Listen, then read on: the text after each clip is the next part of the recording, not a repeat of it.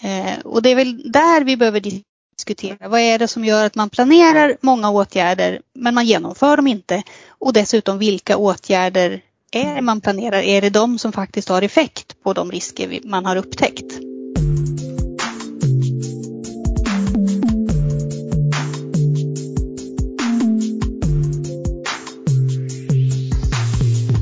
Hej och välkommen till det 56 avsnittet av FoU-podden. I det här avsnittet kommer vi att prata om åtgärder mot fall och undernäring på särskilt boende. Jag som gör podden heter Lena Stenbrink och är kommunikatör på FoU Sörmland. Med i det här avsnittet som vi spelar in via Teams är Marina Arkukangas, Anneli Gusdal och Anna Ekholm. Varmt välkomna! Tack! Vi tar och börjar med att ni presenterar er lite noggrannare vilka ni är. Vi börjar med Anneli. Ja, hejsan! Jag heter Anneli Gusdal och jag är lektor och forskare på Mälardalens högskola. Och jag vill först bara tacka för att jag blivit inbjuden till den här podden i FoU Sörmland. Eh, jag har också en bakgrund som sjuksköterska och distriktssköterska sedan över 20 år. Och i, eh, i samband med den här Senior alert-artikeln så är jag första författare och har skrivit den tillsammans med Marina och Anna och sen två stycken kollegor på Mälardalens högskola som heter Rosmarie Johansson Pajala och Victoria Sander. Ja, och Anna Ekholm heter jag och jag jobbar som statistiker på FoU i Sörmland och eh, i den här eh, studien som vi har gjort har jag varit med och analyserat materialet. Ja, och jag heter Marina Arkukangas och är chef på FoU Sörmland och är även forskare och har inriktning äldre och specifikt mot fallprevention har jag sysslat med mest. Så därför är jag med i den här podden i det här sammanhanget. Ja, ni har ju undersökt hälsoriskerna fall och undernäring hos personer som bor på särskilt boende i Sörmland och Västmanland. Kan ni berätta lite om bakgrunden till eh, den här undersökningen, varför ni gjorde den? Mm. Det kan vara motiverande för sjuksköterskor och undersköterskor i de olika kommunerna och regionerna i Sverige att komma underfund med hur, hur deras registrering ser ut och eh, att registreringen faktiskt kan leda till någonting, att den kan leda till forskning, att den kan leda till kvalitetsförbättring, att deras mätningar får konsekvenser i form av eh, att man förebygger i det här fallet och fall och undernäring. Det var det som motiverade i första hand mig då till att vilja göra en kvalitetsregisterstudie. Sen kändes det också väsentligt att, att göra en studie som var lokalt förankrad i Västmanland och Sörmland och då kändes det väldigt naturligt att ha kontakt med FoU Sörmland. Plus att Marina och jag är före detta forskarutbildningskollegor på Mälardalens högskola. Så att det fanns ju ett samarbete sedan tidigare. Men att hitta kvalitetssäkringsarbete som, som kan förankras lokalt, vars resultat kan nå ut lokalt. Och i det här fallet då så valde jag ju att titta närmare på registreringar gjorda i just Sörmland och Västmanland. Jag kan koppla på lite grann där eh, bara för att sätta det i sammanhanget. Nu vet jag inte om du sa det Anneli, men det här kvalitetsregistret som, som vi har tittat på, det heter ju Senior alert. Mm. Och det är ju ett av de nationella, eh, jag tror det finns över hundra, cirka hundra stycken sådana här eh, kvalitetsregister i, i Sverige idag. Och just eh, Senior alert det är ju för att stödja vårdprevention och framförallt mot äldre här nu. Och då inkluderade olika risk, riskområden och fall och undernäring är ju är två av de områden som man då registrerar i sitt arbete utifrån på de särskilda boendena. Och, men även i regionen också använder man ju Eh, seniora lätt inom slutenvården och primärvården. Mm. Och det är väldigt hög täckningsgrad varför just Senior alert användes. Eh, det, det, finns ju andra, andra register, kvalitetsregister med omvårdnadsvariabler då, till exempel riksstroke och BPSD, eh, riksår. Men Senior alert har den högsta täckningsgraden och används i eh, i merparten av Sveriges kommuner och i ungefär hälften utav Sveriges regioner. Mm. Så att man får fram ganska säkra siffror. Och vi valde ju i den här studien så valde ju vi att titta på just särskilda boende, äldreboende och eh, demensboenden just för att täckningsgraden var väldigt mycket högre där än till exempel i hemsjukvård mm. och i eh, region och i eh, växelvård, korttidsboenden i kommun.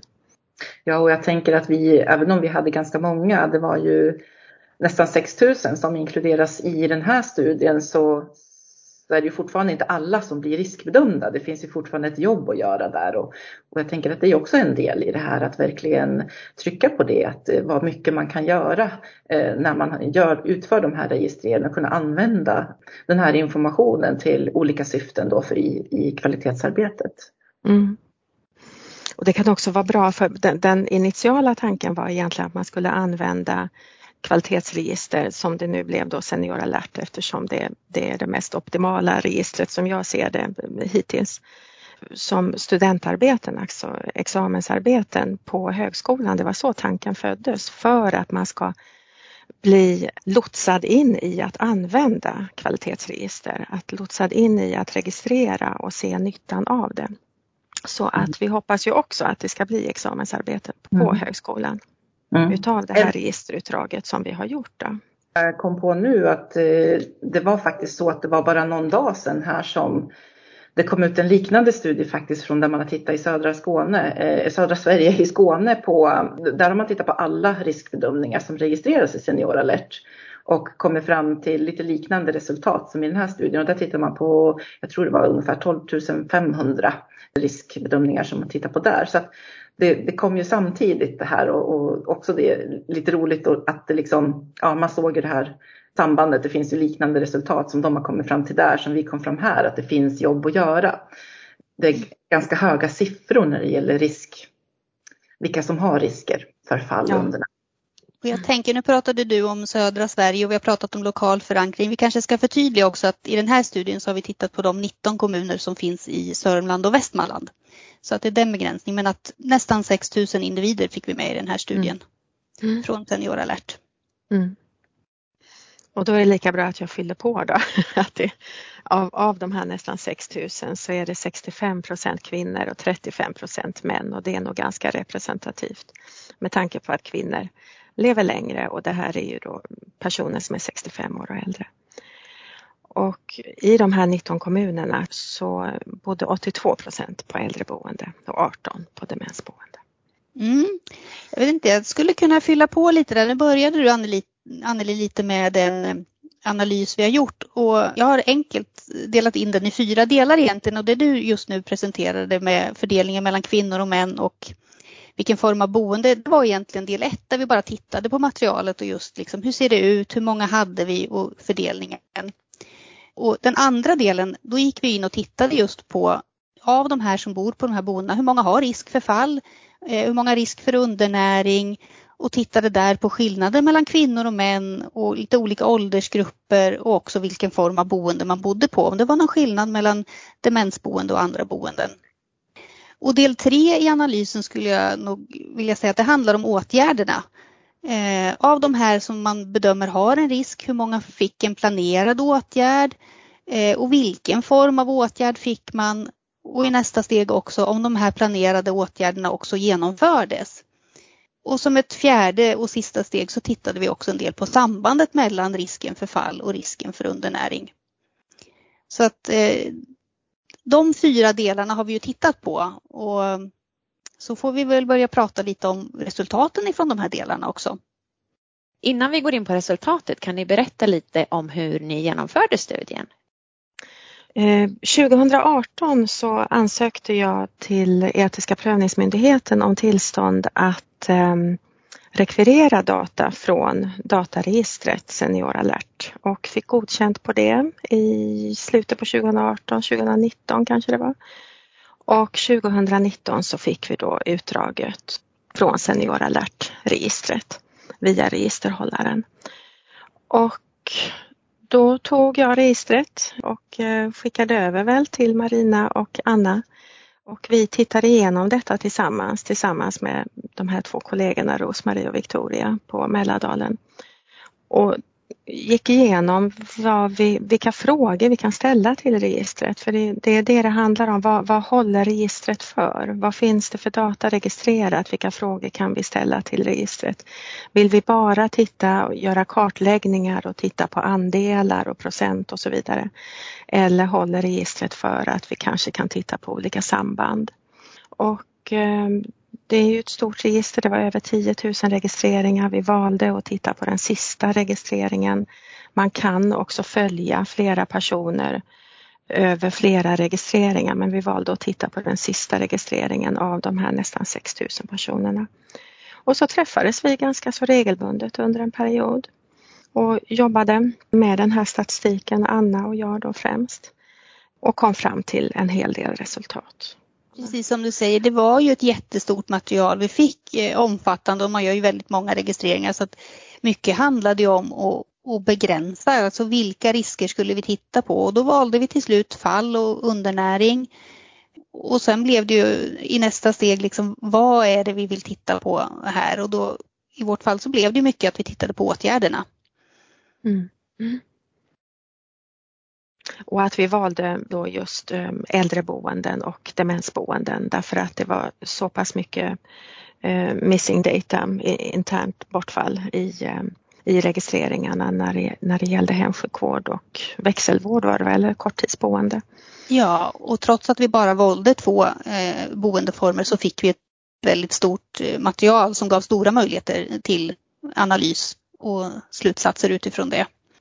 Ska vi bara nämna vilket, vilka år vi fick eh, registerutdraget ifrån? Var det 2019, mm. 2020 ungefär de två åren? Eh, från 1 september 2018 till 19 februari 2020 så, så eh, lite mer än ett år. Då. Mm. De data som vi, som vi samlade via Senior alert det var län, kommun, typ av vårdenhet, ålder, kön, BMI, datum för ehm, riskbedömning. Och då var det ju riskbedömning med fyra olika instrument där vi valde ut två stycken. Och de två som vi valde ut det var Downtown Fall Risk Index och det är förkortat DFRI. Och eh, Mini Nutritional Assessment Short Form som är förkortat MNASF. Och sen så tittade vi också på planerade och utförda interventioner för att förebygga fall och malnutrition. Ja, ni nämnde ju riskbedömningar. Kan ni berätta lite om varför man gör riskbedömningar? Jag kan ju prata lite kring fall i alla fall just fallolyckor är ju ett ganska stort problem och ett stort hot mot äldres hälsa och framförallt när man eh, har kommit upp i åldern och eh, har en skörhet som gör att man bor på ett särskilt boende så är man ju ännu, i ännu högre risk att faktiskt drabba av ett fall. Det är ju så att varannan person som bor på särskilt boende enligt eh, statistik eh, faller minst en gång per år och över 40 procent faller minst två gånger per år. Och eh, det kan ju leda till oerhörda konsekvenser. Det kan ju vara så att man inte eh, överlever ett fall eller att man får en fraktur. Vilket också är vanligt, eh, vanligare när man bor på särskilt boende än när man inte bor. Och tänker man på de som hamnar inom slutenvården så är ju risken ännu högre att faktiskt skada sig på grund av en fallolycka. Så därför är det ju viktigt att göra de här riskbedömningarna så man kan fånga upp det här i god tid just när man kan se de här Eh, indikatorerna på att man är i risken för att kanske drabbas av en, en fallolycka. Eh, och rent generellt tittar man på hur statistiken ser ut i Sverige så är det ju, eh, man säger att fallolyckor kostar ju ungefär 25 miljarder varje år och att det är över 1000 äldre personer som dör av en fallolycka varje år. Så det är ett stort eh, samhällsproblem och i Sörmland, bara i Sörmland så har vi ju Anna, du tog ju fram statistik där. Jag tror det var 1800 fall i Sörmland per år som hamnar inne på, eller personer som hamnar inne på slutenvården på grund av en fallolycka. Och då finns det ju någonting där som vi behöver göra åt den här problematiken och det går att göra väldigt mycket så riskbedömning blir ett värdefullt verktyg i, i det arbetet att identifiera personer som är i risk för fall. Då ska vi nämna att de 1800 du nämnde, det är ju bland äldre. Det är inte hela befolkningen utan bland äldre personer. Precis, det är bara äldre. Ja. Och jag kan säga några ord om undernäring. Det ökar ju allt eftersom människor eller personer blir äldre och man vet ju att det, det, finns ju flera olika orsaker till det. Att dels att man inte klarar att äta lika mycket, att man har nedsatt aptit. Eh, man vet också att det leder till en stor sjuklighet och en stor dödlighet. Eh, ja, just det, andra, andra orsaker kan också vara olika typer av läkemedelsbehandlingar och det vet vi också att människor som, som bor på äldreboenden har en, ett högt antal olika läkemedel som samvarierar på, på olika sätt som inte alltid är helt lyckliga. Eh, och man har sett i forskningen också att ehm, risken för undernäring i äldreboende har rapporterats och vara så hög som eh, uppåt 70 procent. Och många gånger så är det så att det går eh, personalen obemärkt förbi. Man ser det inte, man, man missar det därför att man faktiskt inte på ett systematiskt sätt utvärderar om personen har en undernäring eller risk för undernäring och då är detta det enda sättet att komma underfund med det. Att systematiskt och, och, standardiserat som det då blir när man jobbar med till exempel Senior alert och MNA, då det här instrumentet Senior alert, för att komma underfund med om det finns en risk för undernäring eller inte. Det låter ju som det är något viktigt att göra i alla fall det här med riskbedömningar måste jag säga. Eh, men ska vi återgå till eran studie och eh, så kanske ni kan berätta lite om resultatet.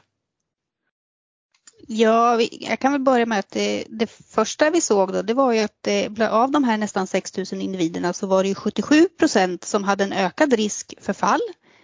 Eh, och det var på båda formerna av boende, både äldreboende och demensboende. Vi kunde se att det ökade lite ju äldre man blev, risken för fall. Eh, och när vi tittar på undernäring så var det 59 procent som hade risk för det. Eh, och där kunde vi se att risken var lite högre för dem, de som bodde på ett demensboende än på andra boenden. Och eh, ja, vi såg ju också att det finns ett samband mellan eh, fall och undernäring. Det var ungefär hälften av personerna som hade risk för både fall och undernäring. Så att det är en hög andel som har de här riskerna. Ska jag gå vidare på de orsakerna som vi hittade? Orsakerna till de här 77 procenten risk för fall, det såg vi var att man tidigare hade fallit och att man också hade nedsatt syn och att man var nedsatt kognitivt. Och eh, att man använde läkemedel och i det här fallet så, så handlade det om blodtryckssänkande i första hand. Och det här är i linje med, med tidigare forskning. Det, det, ingenting nytt så, eh, de här orsakerna och inte heller frekvenserna för riskförfall. Och likaså när det kommer till risk för undernäring så är det också i linje med tidigare forskning. Och där såg vi att ehm, de viktigaste orsakerna till malnutrition det var depression eller mild eller ehm, svårare, mer allvarlig demenssjukdom. Ja men så här tänker jag att de här resultaten är ju ändå Eh, anmärkningsvärda på det viset att det är hög risk för de här två, eh, alltså fall och undernäring. Och där, där diskussionen ska ligga, det är ju vad gör vi åt det? Hur kommer vi åt det här problemet?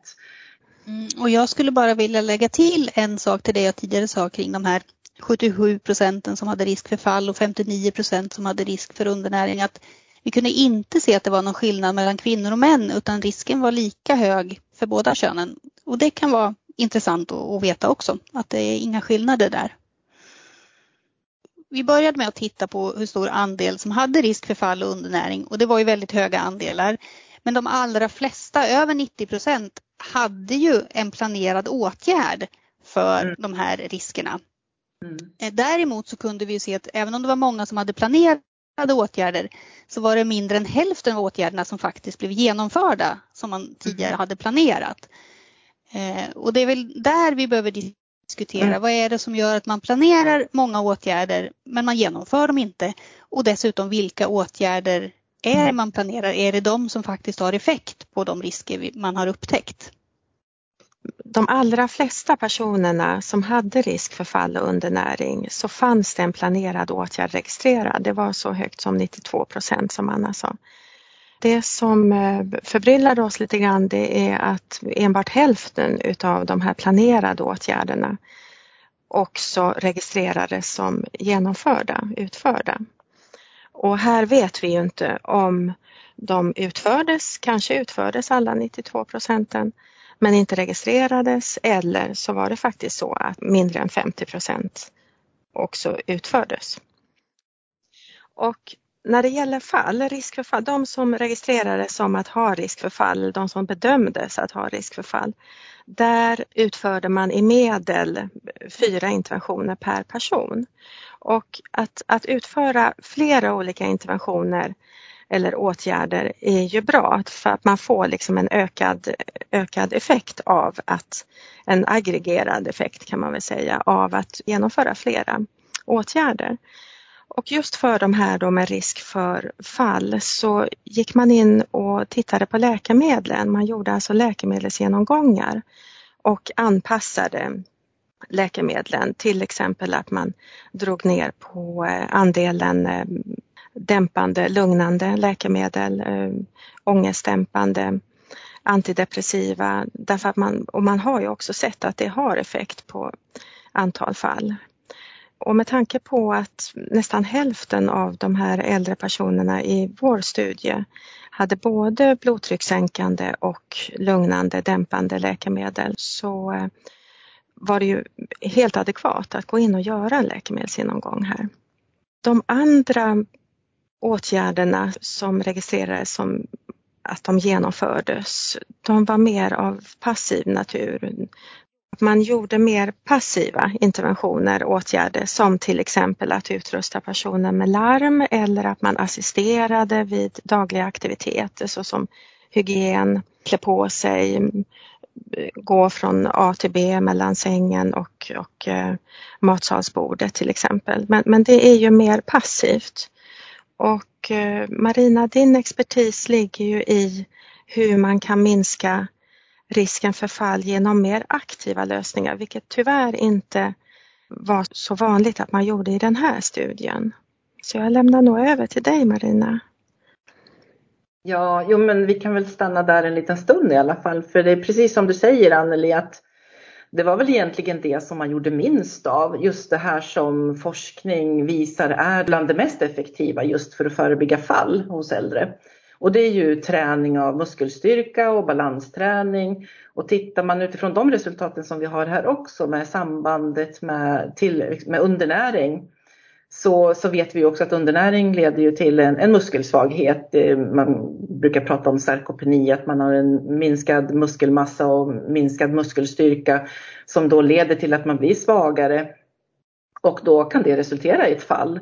Eh, så där tycker jag att det är viktigt att man eh, ser över och, och, och funderar lite på hur kan vi vända på det här? Att det blir en av de åtgärderna som man faktiskt satsar på i första hand just att eh, ja, men det kan handla om att det behövs utbildning bland personalen kring hur tränar man, hur ser fallförebyggande träning ut och det kan ju se lite olika ut beroende på ett demensboende kan det ju finnas fler utmaningar med det och hålla igång med just att fysisk aktivitet, att vara aktiv och kunna fortsätta göra klara av, alltså göra det man kan göra är ju viktigt, bara den lilla delen.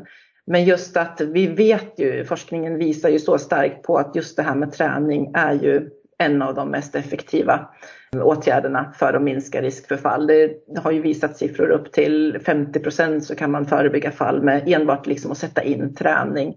Och det är ju en del i det här. Sen är ju läkemedelsgenomgångarna jättebra för det är ju också en av de riskfaktorer som, som är hög för fall.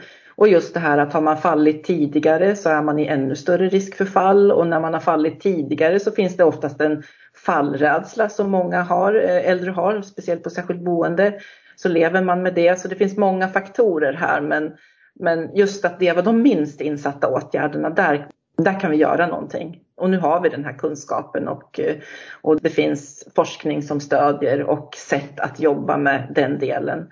Så att eh, det vill jag bara trycka, göra ett slag för att där är det faktiskt någonting som vi kan, det kan vi göra någonting åt. Förstod jag rätt att du tänker att anledningen till att man inte använder de här effektivare metoderna är för att det saknas kunskap? Det kan vara. Jag, jag tänker att man, att man inte använder sig av det som är mest effektivt. Det, kan, det finns på olika nivåer. Det kan handla om tid eh, och det kan handla om motivation. Det kan vara svårt ibland. Man måste också tänka på äldreboende och demensboende så, så är det sköra äldre som finns och sen kan det också handla om kunskap och utbildning hos personal. Att faktiskt vet man vad fallförebyggande träning är för någonting eh, och har den kunskapen. Så jag tänker att det finns på olika plan. Sen är det ju inte alla äldre som vill träna heller, det måste man ju ha med sig. Men, men att åtminstone erbjuda. Så jag tänker att det finns olika anledningar. Det, det krävs ju lite mer tid och resurser till att eh, göra den åtgärden som handlar om att instruera och gå igenom och, och stötta vid träning än vad det är att ha ett larm eller andra åtgärder som är mer quick fix eh, åtgärder. Eh, men då fortsätter jag att det var i medel fem stycken genomförda åtgärder per person när det gällde att eh, förebygga malnutrition. Och många av de här åtgärderna är i linje med nationella rekommendationer hur man förebygger och även behandlar undernäring. Det var det här med att man ska väga, att man ger lite extra mellanmål, att man minskar på antalet timmars nattfasta, att man försöker uppmuntra till mat. Ehm, läkemedelsgenomgång kommer med här också. Att man eh, berikar maten, ger lite extra nutritionsdrinkar och så vidare. Men det som också är väldigt viktigt det är ju att eh, hjälpa personen att, att få en bättre munhälsa. För det vet man att munhälsa, nedsatt munhälsa och undernäring eh, har ett starkt samband. Har du ont i munnen, har du svårigheter att tugga och så vidare så, så är det också en större risk för att du ska bli undernärd, att du inte kan äta. Och i den här studien så eh, assistans med munhälsa det utfördes i 25 procent av interventionerna. Och det är med tanke på hur avgörande det kan vara så såg vi att det var eh, inte så frekvent intervention som man hade önskat. Då. Och återigen då, då, då handlar det ju om utbildning och kompetens hos vårdpersonalen, vård och omsorgspersonalen. Man har också sett ett starkt samband mellan låg personaltäthet och malnutrition. Det är ju ett resursproblem helt enkelt. Eh, nu har ni sagt två olika begrepp här. Ni har sagt malnutrition och undernäring. Är det samma sak? Ja, det är samma sak. Det ena är det engelska begreppet och det andra är det svenska begreppet. Mm. Finns det någonting som ni skulle vilja förmedla till eh, personalgrupper eller andra kommuner när det gäller just det här arbetet mot fall och undernäring? Ja, jag skulle vilja förmedla dels våra resultat som vi har kommit fram till. Att det, det, är en sak att det finns en stor andel av de äldre som har risk för fall och risk för undernäring. Och att man sedan då i så hög grad som i den här studien planerar för åtgärder men att man också förstår att de planerade åtgärderna behöver också genomföras och när de genomförs att man då registrerar det. För då kan man också använda SeniorAlert som en del av ett kvalitetsförbättringsarbete. Man kan använda det som ett instrument för, för utbildning av vård och omsorgspersonal man kan jobba med SeniorAlert inte bara som, som något som man måste registrera i därför att det är ett påbud uppifrån utan faktiskt använda det väldigt hands-on i, i vården och omsorgen om de här äldre som har risker för fall och undernäring. Ja, men jag tänker det du säger Anneli, det är jättebra och eh, hur man kan använda det här just i det förbättringsarbetet men också fundera i den verksamheten man befinner sig i. Vad, vad kan vi göra utifrån de här resultaten eh, när vi ser att det ser ut så här?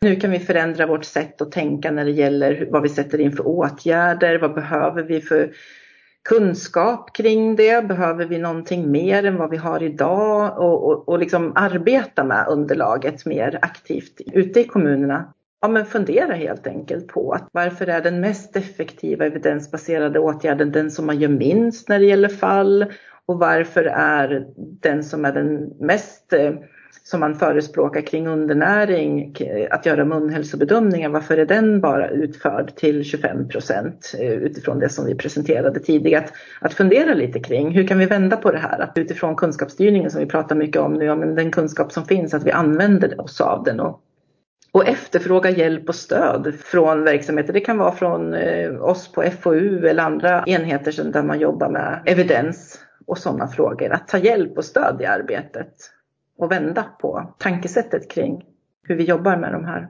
resultaten utifrån det här. Det tycker jag är värdefullt.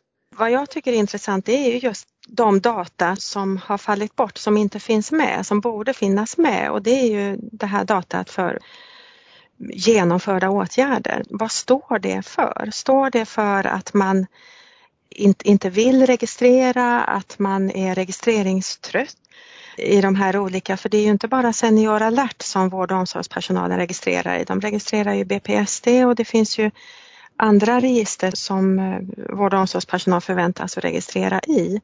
Är det så att man behöver mer stöd ifrån sjuksköterska, ifrån andra discipliner? Behöver man sätta ihop andra team eller helt enkelt sätta ihop team, vårdteam för att förbättra registreringen?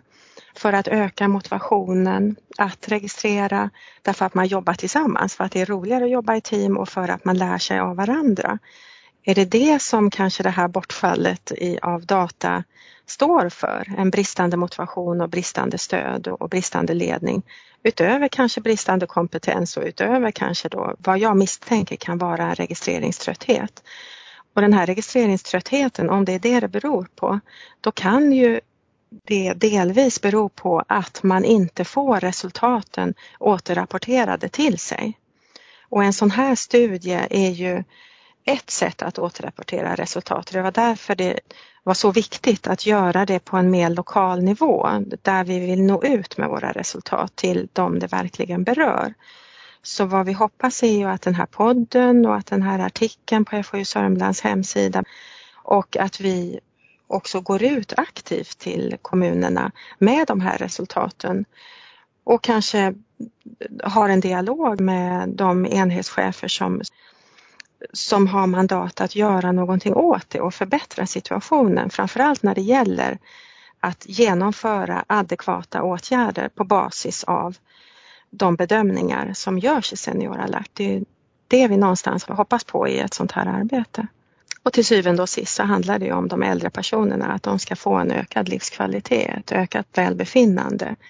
Inte behöva falla eftersom det ju faktiskt är förebyggbart till stor del och att de inte ska behöva råka ut för att bli undernärda därför att kompetensen och, och att man missar det därför att man kanske inte bedömer det i den grad man bör göra det eller att man då inte går in och förebygger i den, till den grad man bör göra. Vi vill ju naturligtvis att de här äldre personerna som har risk för fall och undernäring ska må bättre och slippa falla och slippa bli undernärda. Mm, det tycker jag var en bra avslutning. Är det någonting som ni vill tillägga? Ja, jag tycker det sista du sa nu, det, det är väldigt bra avslut på den här podden. Ja. Mm. Då får jag tacka så jättemycket för att ni var med och berättade om det här. Tack! Ja, tack för att man fick vara med. Och till dig som har lyssnat så vill jag säga tack så mycket för att du har lyssnat på det här avsnittet och hoppas att du även vill höra nästa avsnitt. Ha en toppenfin dag. Hej hej!